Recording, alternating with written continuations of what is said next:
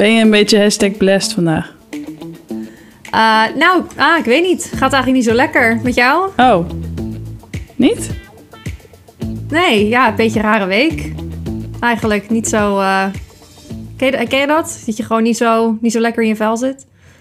Ja, ik had, eigenlijk, ik had eigenlijk helemaal niet dit antwoord verwacht. Hoezo niet? Ik weet niet. ik stelde het een beetje als een soort grap. Ja, nee, dat ken ik wel. Ik had deze twee dagen dus ook een beetje slecht slapen en niet zo heel productief. Dus dat ging allemaal niet zo lekker, nee. Nou ja, gelukkig schijnt de zon. nou, over toxic positivity gesproken.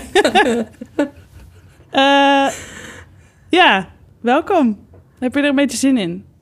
Ja, ik heb er zin in. Ja, we zitten klaar voor een uh, nieuwe aflevering Kunnen we zonder? Over alle dingen waarvan wij denken dat we wel zonder zouden kunnen in ons leven... om het een beetje makkelijker en leuker te maken. Ik ben Loeke en uh, samen met medejournalist en goede vriendin ben ik live virtual uh, aangeschoven om uh, een nieuwe aflevering op te nemen. Ja, groetjes uit Los Angeles. Ik ben daar. Loeke is in Nederland. Maar met dank aan technologie kunnen we dit toch samen doen. Yes. Um, en in deze podcast praten we iedere week over dingen waarvan wij denken dat we er minder van nodig hebben in een samenleving die ons altijd maar loopt te pushen om meer te willen doen en kunnen. We stellen die vraag, uh, de, we stellen de kunnen we zonder vraag deze keer over toxic positivity. En daarvoor duiken we in een aantal sprekende voorbeelden. Praten we erover hoe het misschien al zonder kan met de Belgische psycholoog en quote-unquote verdrietdokter Dirk de Wachter. En horen we in het terugkerend filosofisch minuutje van Henry Garrett. Ja, een fantastische illustrator en ook schrijver. Zijn eerste boek is net uit en uh, wij zijn fan. We zijn heel blij dat we zijn werk met jullie kunnen delen. Ja, en uh, ja, toxic positivity hebben we natuurlijk allemaal wel eens een keer gehoord. Uh, we gaan er straks nog even dieper op in. Uh, maar zeker nu met de pandemie en 2020 en alle shitstorm die over ons heen komt, hebben we waarschijnlijk allemaal wel een handje van gehad. Dus um, daarom dachten we, laten we het er eens over hebben.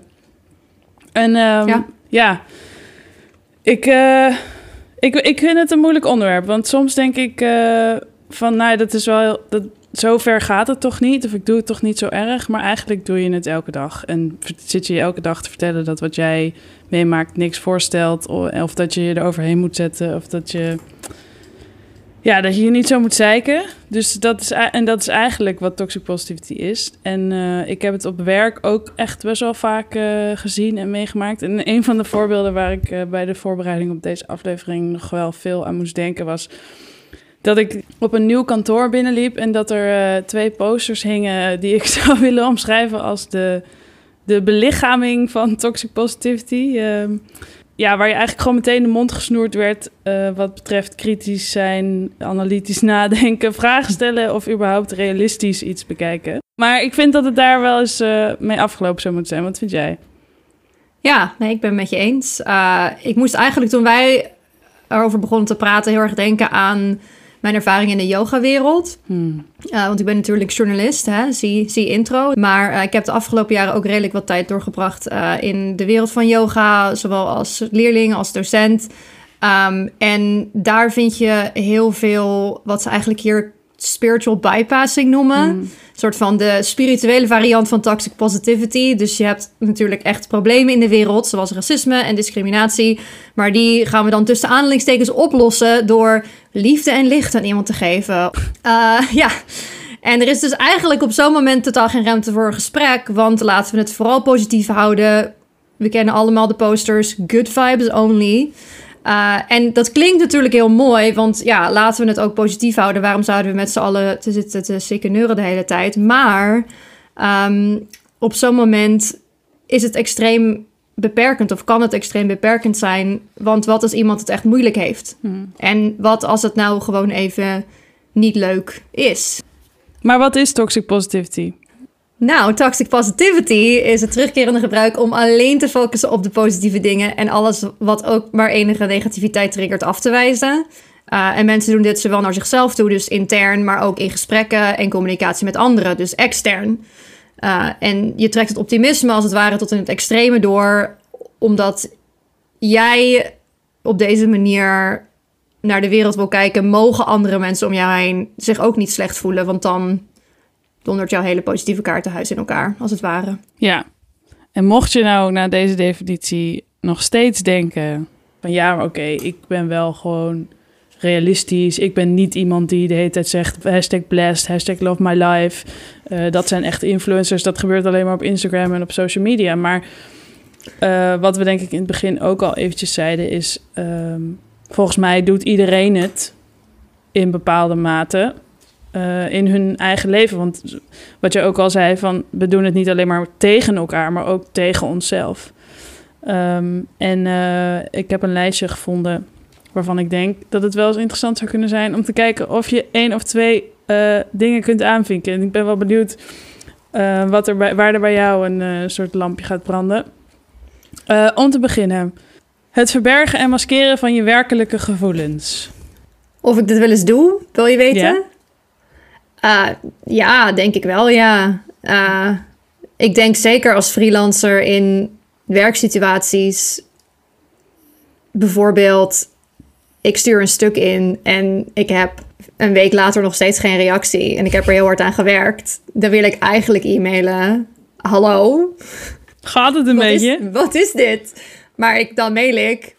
Hallo, hopelijk is alles goed met jullie. Wilde even checken. Is alles in dit, goede orde aangekomen? Ja, of jullie dit in goede orde hebben ontvangen. Hoe dan ook. Super veel plezier gehad aan het schrijven. En ben echt onwijs benieuwd. Naar...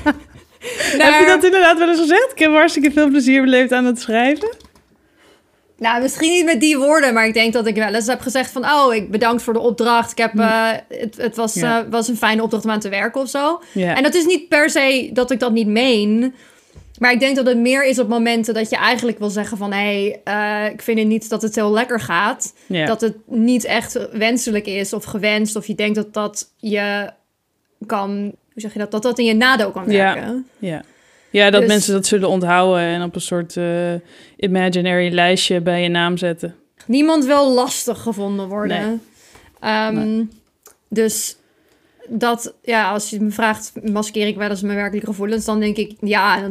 Nou, uh, ik zet alvast een check neer, want de volgende vraag is: proberen om gewoon maar door te gaan door emoties weg te drukken of weg te wijven. Nou, ga jij deze beantwoorden? Want uh, anders wordt het een soort Marie is een therapie-sessie. Oké, okay, ik ga naar de volgende. Je schuldig voelen over je gevoelens. Johan. Vier. Ervaringen van anderen minimaliseren door ze te bestoken met feel-good quotes en wijsheden. Oké, dat laatste is misschien wat overdreven. Maar in ieder geval uh, dat je inderdaad probeert iemand anders zo snel mogelijk eigenlijk een goed gevoel te geven over de slechte dingen die ze je vertellen. Is, is deze stilte weer een, uh, een ja? Nee, ik, ik ben benieuwd wat er verder op de lijst staat. Oh, um, de volgende is uh, proberen om perspectief te bieden. Door bijvoorbeeld te zeggen, het kan allemaal erger. In plaats van hun emoties of gedachten serieus te nemen. Ik denk dat dit een beetje een pandemie-respons uh, is. Tenminste, ik merkte het heel erg in mijn eigen omgeving als iets niet dat ik verbeden, zeg maar, dit heb gezegd. Het kan erger. maar meer dat je, omdat alles zo lastig is, probeert te focussen op wat er dan wel werkt nog. Of wat je nog wel kan doen. En dat dat ook misschien vaker in gesprekken naar voren komt. Ja, ik, het wel interessant. Want ik had vandaag een beetje een ingewikkeld gesprek ehm, met iemand die een ouder is verloren. Het was geen ingewikkeld gesprek, maar ik bedoel, het ging over het verliezen van die ouder. En ehm, toen, de, eh, toen heb ik misschien gedaan wat hier staat.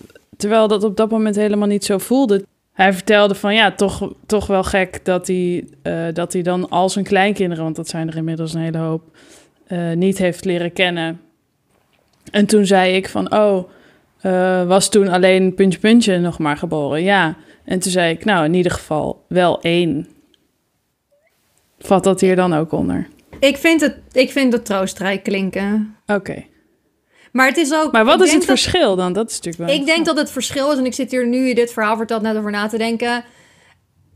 Het verschil is denk ik dat er ruimte moet zijn voor alles en dat je niet alleen maar uitslaat naar altijd maar die ge geforceerde positiviteit. Maar dat betekent niet dat er nooit ruimte kan zijn voor een lichtpuntje. Ja. Het is meer zo van dat die, als die vriend aan jou zat te vertellen over zijn verdriet en jij alleen maar terug zou slaan met, nou, gelukkig uh, heb je nog een baan. Uh, gelukkig hebben jullie. gelukkig hebben jullie wel een begrafenis kunnen doen. Gelukkig was er cake Ja. op de begrafenis. Had dat je Ja, gelukkig scheen de zon. Gelukkig scheen de zon, zoals ik eh, eerder vandaag al zei. Ehm, ja, als je alleen maar terug aan het slaan bent met eh, zogenaamd positieve dingen en er nooit ruimte is voor ehm, iets negatiefs.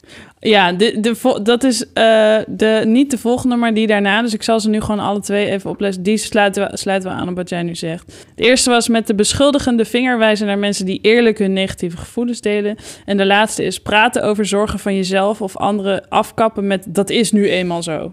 En dat is een beetje wat jij zegt. Van in plaats van het gesprek hebben en ook het hebben over de vervelende en nare dingen. En iemand daar ook zijn gevoel in laten uiten en, en laten voelen. eh, dat je dat niet meteen afkapt. Maar goed, guilty as charged voor al deze zeven dingen natuurlijk. Zit je? Ik zit, Ben je er klaar voor? always. Zet je schrap, want eh, het moment is aangebroken voor de case study. Eh, en in deze case study sectie kijken we even buiten onszelf en zoeken we voorbeelden die aantonen waar het fenomeen van toxic positivity dan allemaal opduikt en hoe groot het eigenlijk is en of dat een probleem is. En eh, daar gaan we het dan even over hebben. En eh, voor deze allereerste aflevering over toxic positivity begin ik ehm, bij het volgende. Eh, ik had namelijk een hele lijst kunnen vinden en voor kunnen schotelen van allerlei dingen op social media waarin mensen zeggen hashtag love my life, hashtag blessed. eh, verhalen van influencers wiens relatie op de achtergrond aan het instorten is, maar die eh, op social media posten over hashtag happy family life. En ook in de pandemietijd is er natuurlijk heel veel online verschenen eh, over mensen die alleen maar delen over hoe de pandemie hun beter heeft gemaakt. Of die, hoe ze heeft geholpen. Of dat ze een nieuwe skill hebben geleerd. Die zijn er natuurlijk ook in overvloed. Maar die kennen en herkennen we waarschijnlijk bijna allemaal wel. Hashtag gratitude. Yes. En het eerste waar ik het over wil hebben is de hele business eigenlijk achter toxic positivity. Want we hebben het ons allemaal in ons persoonlijke leven op zich wel eigen gemaakt in de interactie met onszelf en met anderen en op social media. Maar het is ook echt een businessmodel. En een van de boeken, dat is dus het eerste voorbeeld uit de jaren 50 al, die die miljardenindustrie van het positieve denken een beetje in gang heeft gezet, is The Power of Positive Thinking. Oh, daar heb ik wel eens over gehoord, ja. Ja, het, het is een zelfhulpboek van Norman Vincent Peale uit 1952. En de subtitel is eh, A Practical Guide to Mastering the Problems of Everyday Living. En er zijn tegenwoordig veel meer van dat soort boeken. Zo heb je natuurlijk ook The Secret. En eh, die nu ook heel veel eh, opduikt over de Law of Attraction. En je hebt TED Talks, coaches, podcasts die helpen om je gelukkiger te maken. En in het boek van Norman vind je praktische instruc- instructies, zoals affirmaties en visualisaties, die jou als lezer dan gaan helpen een zogenaamde permanente optimistische houding aan te leren. En eh, de belofte is daar een kwalitatief beter leven. Wat weet je ervan? Ik weet dat ik er wel eens over gelezen heb. Ik heb het zelf nooit gelezen. Maar het klinkt als iets wat sindsdien ontelbare keren is gekopieerd. De, de tagline alleen al die jij oplas. Was het ook alweer? A practical guide to mastering the problems of everyday living. Mastering ook echt. Het woord mastering, ik, daar krijg ik dan al meteen jeuk maar van. vooral denk ook de problems of everyday living. En die los je dus op met de positive thinking. Het is een hele slimme tagline, want het, iedereen denkt, die dat leest, denkt, ja, ik heb problemen natuurlijk in mijn everyday life, because who doesn't? En dan vervolgens zegt hij, dit ga je masteren. En dan denk je, yes please. Ja, ik zag vandaag nog iemand inderdaad in eh, Instagram met allemaal stories over manifesting en stuff. Dat zie je nu natuurlijk heel veel. En dat gaat ook over die de law of attraction. Dat is een hele eigen aflevering wat mij betreft. Daar heb ik echt Ja. zoveel over te zeggen. En verder, ik bedoel, natuurlijk, daar kunnen ook positieve dingen aan zitten. Maar vooral het idee dat als je het niet doet, dat er Ja. dan iets mis is. Of dat je dan dat al je eigen geluk afhankelijk is van je eigen houding. Ja. Het is natuurlijk helemaal niet zo. Want we zijn allemaal op verschillende plekken geboren. Met verschillende middelen tot onze beschikking. Ja. Met verschillende toegang tot middelen. Met, het is gewoon. Het is ja, maar ook alsof je overal controle over hebt. controle hebben over je gedachten. Daar gaat dit Ja. over. Als je die kans niet aangrijpt, dan heb je het eigenlijk dus aan jezelf te wijten. En daar knap ik dan dus op af. Ja, maar dat is ook waarom dit gaat over toxic positivity en Ja. niet gewoon over positivity. Want er is niks mis met positiviteit en er is niks mis met proberen je te focussen op de positieve dingen en om eh, daarmee te werken en om daar misschien successen mee te boeken. Maar het gaat over eh, het negeren van al het andere. Dat er nooit meer ruimte is voor een andere houding dan positiviteit. The power of positive thinking. Hoe zie jij dat terug in jouw leven? Ik zie het heel vaak en heel veel. Het, wat ik net al zei, de hashtag gratitude. Weet je wel, het feit dat je. Op het moment dat je een verdrietige gedachte hebt of een negatieve emotie, dat je daar eigenlijk geen ruimte voor maakt en meteen de focus verlegt met. ehm, maar ik heb toch ook heel veel om dankbaar voor te zijn. Maar ik heb toch, nou ja, fill in the blank. Ik ben niet ziek, bijvoorbeeld. Wat natuurlijk allemaal waar is. En het gaat er ook, denk ik, niet om dat je die dingen ontkent. Maar de vraag bij mij is dan heel erg: waarom kan het dan niet allebei bestaan?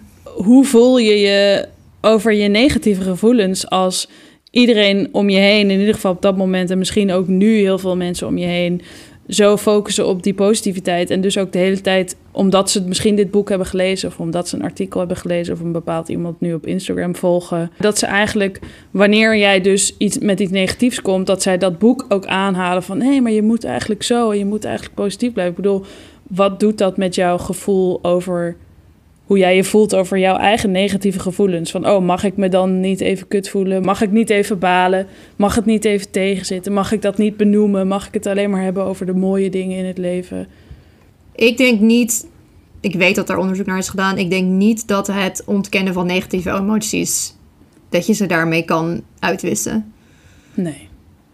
Dus het idee dat je altijd alleen maar positief moet zijn, uiteindelijk druk je of de negatieve gevoelens naar beneden eh, en moeten ze, komen ze er op een ander moment uit, of ze komen er op een andere manier uit, waar je dan eigenlijk ja, geen controle over hebt. Ik heb eh, nog een voorbeeld en ik had eigenlijk een persoonlijk voorbeeld. Maar ik denk dat ik gewoon eventjes doorga naar, de, naar het schepje wat ik daar nog eens bovenop wilde doen, namelijk.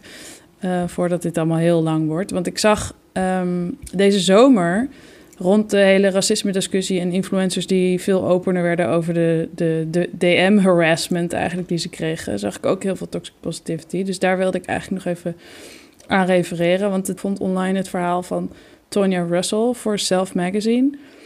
En eh, zij las op Facebook ergens onder een post de volgende comment in reactie op de moord eh, op George Floyd en de boosheid over het racisme ervan. En het was het volgende. We have some racists, but 99.95% of the people you meet are colorblind and don't have a racist bone in their body. We have some bad cops, but 99.995% of the law enforcement personnel you encounter would risk their lives to save yours. If you choose to see evil, then evil is all you'll see. As for me, I choose to see the good in people. My heart is full. I've got nothing but love for all of you. En ze wilde daarop reageren, maar ze deed het niet. Uh, maar ze voelde hoe deze comment eigenlijk haar ware en real-life angst voor racisme en geweld teniet werd gedaan door iemand die vindt van... oh, maar die paar bad apples, daar moet je niet naar kijken. Je moet kijken naar de mensen die het wel goed doen. Het valt wel mee. Het gaat maar over 0,05 procent uh, volgens deze ene persoon. En als je erover nadenkt, zie je ook dat toxic positivity ook heel vaak opduikt op momenten waar, wanneer het gaat over dingen waar we, waar we het moeilijk vinden om het over te hebben of waar het niet zo vaak over gaat. Dus zoals racisme. Maar je ziet het ook terug in interviews over, van mensen die het hebben over hun rouwproces. Hoe, dat mensen niet weten hoe ze erop moeten reageren en proberen het goed te praten. En het gaat over de discussie over gendergelijkheid en over genderidentiteit en over vetfobia. Zeg maar. Het wordt vooral als het moeilijk wordt in gesprekken. Um, en vooral ook door mensen die natuurlijk zelf geen onderdeel maken van de groep die daarmee te maken heeft. Los van de mensen die natuurlijk echt haat hebben en dat ook vrijelijk uiten en zich daar verder niet voor schamen. Maar het is ook wel een manier om het, om het te deflecten en om het gewoon leuk te houden en gezellig, zoals we dat in Nederland uh, zo mooi weten te noemen. Nee, dat is helemaal waar. Het is voor mij als queer persoon regelmatig zo dat mensen dingen zeggen die niet lekker voelen of waarvan ik denk, nou, dat zou ik toch zo niet formuleren. Maar dan is het antwoord altijd als je daar iets van zegt, ja, maar ik bedoelde het niet zo.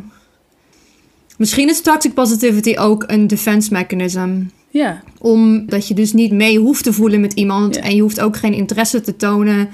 En je hoeft je dus niet in te leven. Want je gaat er gewoon. Je neemt gewoon de compleet andere afslag. Namelijk Maak je focus zorgen. op iets anders. Het is denk ik ook omdat we die, die spier helemaal niet hebben ontwikkeld om het over onze vervelende gevoelens en om, om eerlijk te zijn over onze pijn. En het is dan ook heel moeilijk om je voor te stellen dat dat benoemen en ook dat van een ander te willen en durven aanhoren, dat, dat het heel moeilijk is om je voor te stellen dat dat kan helpen. Omdat je altijd is geleerd en je altijd hebt gehoord, stilstaan bij de slechte dingen, dat moet je niet doen, want dan blijft het alleen maar langer duren. Terwijl ja, dat is natuurlijk gewoon de vraag of dat wel zo is. Ik denk dat dat een mooi bruggetje is naar onze gesprekspartner. Love a good bruggetje. Ja, maar het is de Belgische psychiater Dirk de Wachter, want die vindt dat hij het te druk heeft. Mensen zijn te ongelukkig. En volgens hem komt dat dus door de focus op het gelukkig zijn en het ikkige, zoals hij dat noemt. En Dirk spreekt juist over het koesteren van je ongeluk. Ik denk dat we moeten aanvaarden dat het aardse leven bij momenten een beetje lastig kan zijn. Dat is niet erg, dat is gewoon. Kan geen kwaad. Maar dat, dat lijkt een probleem te zijn dat we dan maar verzwijgen, dat we niet durven zeggen, om ons imago niet te storen, waardoor het zich binnenin, we slikken het in en het gaat binnenin eigenlijk verzweren. Bij het delen ervan kunnen we liefdevol met anderen zijn. Moest er geen lastigheid zijn in het leven, dan zou er ook geen liefde zijn. Het is omdat er lastigheid is dat we de nood hebben aan de ander. En waarom denkt u dan dat het zo belangrijk is om vast te houden aan dat imago van het leuke? Omdat dat in onze westerse samenleving zo erg in onze cultuur is doorgeschoten. De- Het, het, het individualisme. En dat individu dat dan ook heel sterk en, en moet dat de ander niet mag nodig hebben, want dat is een teken van zwakte. Dat is eigenlijk heel kwalijk. Dat het nodig hebben van de ander gezien wordt als een zwakte.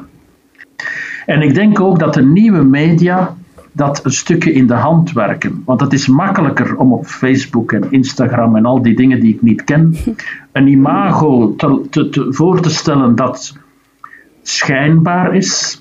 En let op, ik pleit niet om terug te gaan naar vroeger. Hè. Dat is eh, al te absurd. Maar ik wil in deze wereld pleiten voor kwetsbaarheid en contact.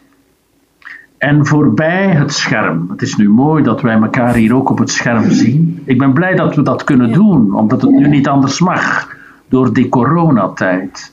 Maar ik zou u, en ik bedoel daar geen eh, onwelvoegelijke dingen mee, ik zou u graag in waarachtigheid ontmoeten. Dat lijkt mij veel Ja. aangenamer. Alsjeblieft. Daar had ik het vandaag nog over, omdat we inderdaad met video bellen. Maar toen dacht ik, ja, er gaat toch niks boven elkaar in levende lijven gewoon kunnen zien en Absoluut. spreken.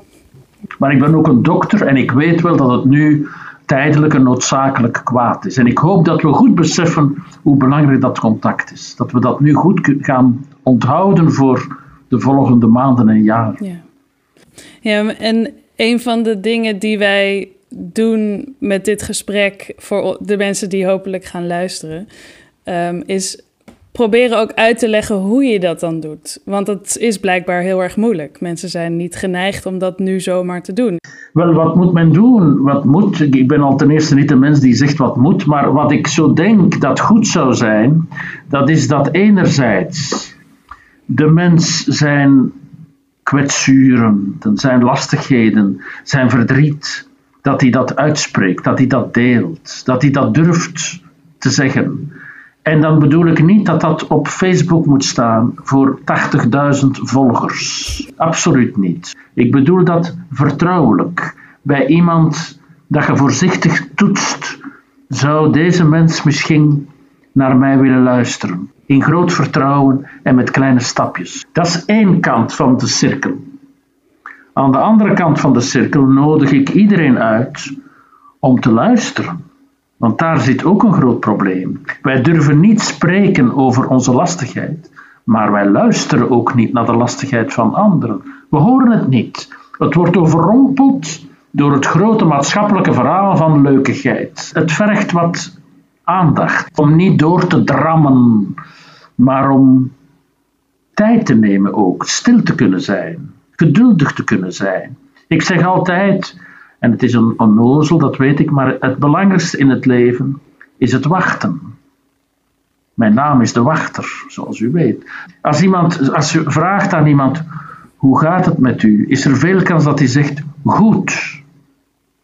Maar dan moeten we wachten. En als we dan wachten en een beetje naast elkaar zitten, dan zegt die mens, ja, eigenlijk niet altijd zo goed. Ik heb toch eigenlijk wel veel last van die coronatoestand. Enzovoort. Daar is geduld voor nodig. Dat komt niet onmiddellijk.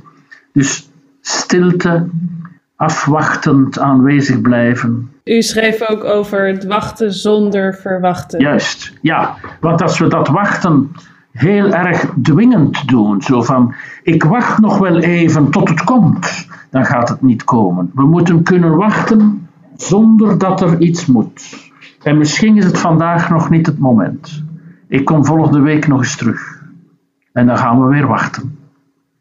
In mijn werk duurt het wachten soms jaren. En toch blijf ik geduldig wachten. Ik loop niet weg. U pleit daarin ook voor dat het gewoon maar gewoon mag zijn. Hoe moeten mensen dat doen? Wel, u zegt het al zoals het herkenbaar is, maar gewoon. Dat klinkt alsof het gewoon een plan B is. Hè? Het fantastische is te ambiëren, maar dat lukt niet altijd en dan doen we maar gewoon. Laat dat toch duidelijk zijn dat ik niet pleit voor het afschaffen van alles wat leuk is. Absoluut niet. Ik pleit voor leuke vakanties, voor leuke feestjes. Na corona graag terug heel veel. Maar ik denk dat het ware leven en de ware liefde zich vooral toont tussen al die momenten door. Thuis, een vermoeide dag, na een werkdag nog een podcast. En dan, ja, de wonderlijkheid, de onwaarschijnlijke, niet te bevechten schoonheid van de gewoonigheid. Niets prachtiger dan een beetje uitgeteld samen op de bank zitten kijken naar een leeghoofdig televisiegebeuren. Dat is het meest grandioze wat de mens kan doen. Dus het is geen maar gewoon, het is het wonder van de gewonigheid. En wat gebeurt er met een mens wanneer ze dat omarmen en ook wanneer ze openstaan voor anderen? Dan denk ik en dan hoop ik en dan wens ik iedereen dat toe. Een gevoel van, geen kickgevoel van wauw, maar een diep fundamenteel gevoel van tevredenheid, vervulling, soort van gevoel van zo is het leven goed. En hoe ziet die wereld er verder uit? Harmonieus, vredevol, minder opgefokt, minder lawaaierig, ecologischer, samenlevender, over rassen, godsdiensten en zo heen. Hè? En niet perfect. Nee, dat zal nooit zijn. Het streven naar perfectie heeft in de geschiedenis al heel veel grote miserie veroorzaakt. Dat, dat uh, is de grootste aanleiding voor oorlogen, want mijn perfectie strookt natuurlijk niet met die van u en dan wil ik u daarvan overtuigen. Ik heb gelijk. Dat loopt nooit goed af. Ik heb ook nu, wat ik hier zeg, is erg belangrijk. Ik heb geen gelijk. Ik vertel wat. Doe er iets mee. Wees niet akkoord als u wil. Denk erover na. Ook niet vanavond of zo, maar later ook. Hè? Denk eens, wat moet ik daar nu mee? Mooie woorden om uh, later dus nog eens over na te denken. En als je wil weten wat Dirk de Wachter hier allemaal nog meer over te zeggen heeft, dan kun je zijn boek De kunst van het ongelukkig zijn erbij pakken. Dat is sinds vorig jaar uit. Uh, en er staat op pagina 60 ook nog een mooi gedicht dat we op onze Instagram zullen plaatsen voor wat mooie overpeinzingen. En tot slot, als je nog een film zoekt om te kijken, dan hebben we nog een tip voor wat ontspanning en verdieping in het omarmen van het fijne en het vervelende, namelijk de film Inside Out van Pixar. Daar wilde ik het nog over hebben, maar ik dacht ik tip hem gewoon hier. Supergoeie film is dat. Absoluut. Het is een uh, fantastische film uit 2015, waarin de menselijke emoties karakters zijn in het brein van een elfjarig kind. Vreugde, angst, boosheid, afgunst en verdriet. En zonder spoilers, ook zij zijn op zoek naar de juiste balans van dat alles. Gaan kijken. En dan is het nu tijd voor het filosofisch minuutje, waarin een artiest of anderszins creatieve gast in ongeveer één minuut invulling geeft aan de utopie van een wereld zonder toxic positivity. Om ons allemaal even aan het denken te zetten. En deze keer vroegen we Henry James Garrett. Hij is schrijver en illustrator, bekend van de Instagram-account Henry J. Garrett. En hij heeft ook het nieuwe boek This Book Will Make You Kinder geschreven, dat net is uitgekomen. A lot of what we think about when we talk toxic positivity concerns our sort of personal outlook and emotional state, and the tendency for people to police the optimism and happiness of others.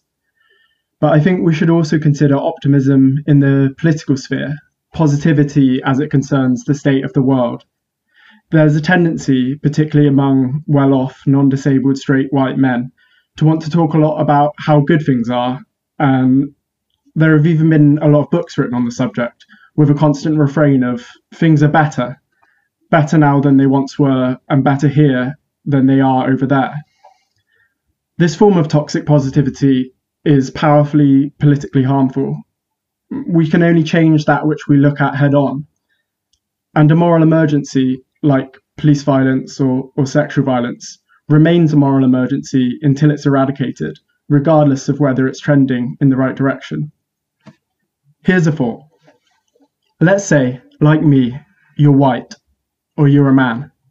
And let's say that you have a more positive, optimistic perspective on the prevalence and degree of racism or sexism in our society than tends to be the case for black people and women, and black women you hear from. In those cases, who do you think is more likely to have the accurate picture? Are you, as a white man who thinks that racism is sorted by and large, more or less likely to be right about that than a black woman who thinks otherwise? Bedankt, Henry. This Book Will Make You Kinder is nu uit. En we stoppen een link in onze show notes als je het wil kopen. En neem vooral even een kijkje op Henry's Instagram, at Henry J. Garrett. Wij zijn groot fan. En denk vooral na over wat hij vraagt om te doen. Mooi. Uh, ja, als we al aan het nadenken zijn over een wereld zonder toxic positivity, dan uh, hebben we het dus over een wereld waarin we, denk ik, vrijelijk onze emoties en gevoelens kunnen uiten, goed en slecht. Um, en uh, een van de dingen die ik een aantal keer, of eigenlijk een aantal jaar geleden voor het eerst tegenkwam en sindsdien vaker heb terugzien komen, wat echt is blijven hangen, waarvan ik denk, volgens mij moet ik dat nu gaan doen. En is dit een mooi moment om het te introduceren. Dat is namelijk een verhaal wat ik hoorde of las uh, van de uitvinder van Spanx. De, die broekjes die je aantrekt om uh, te verhullen dat je een lijf hebt, waar we het natuurlijk ook nog wel eens over kunnen hebben. Maar goed, Sarah Blakely. Uh, en dat sprak me wel aan, want um, en daar heb ik toen meteen een notitie van gemaakt in een van mijn 9500 notities in mijn telefoon. Ze vertelde namelijk dat haar vader haar vroeger elke avond tijdens het diner vroeg waar ze die dag in had gefaald. En wanneer ze dan vertelde dat ze de auditie niet had gekregen of slecht had gespeeld op het sportveld, dan kreeg ze van haar vader gewoon een high five.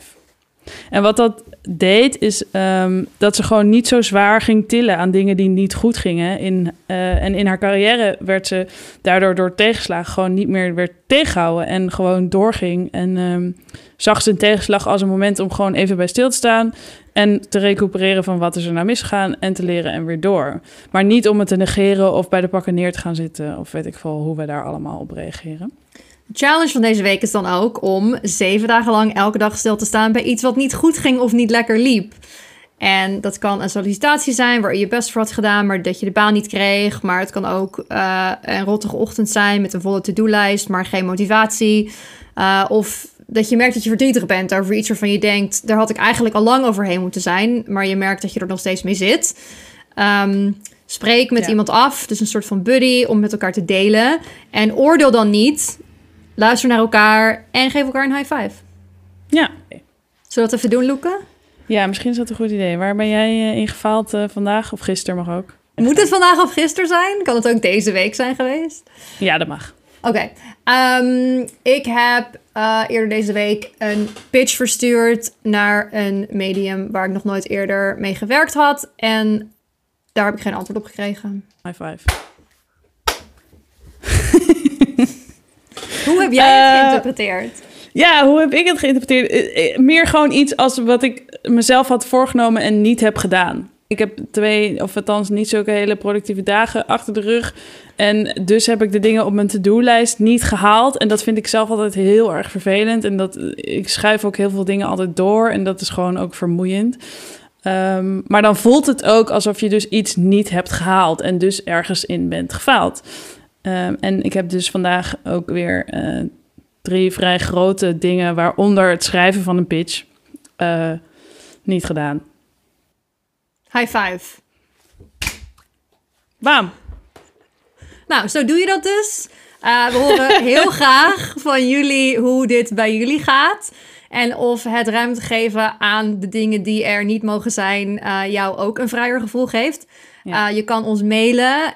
Kunnen we zonder gmail.com, zowel tekst of stuur ons een voicebericht. En je kan ons ook vinden op Instagram. Het kunnen we zonder. Um, waar we je ook uitnodigen om je ervaringen te delen.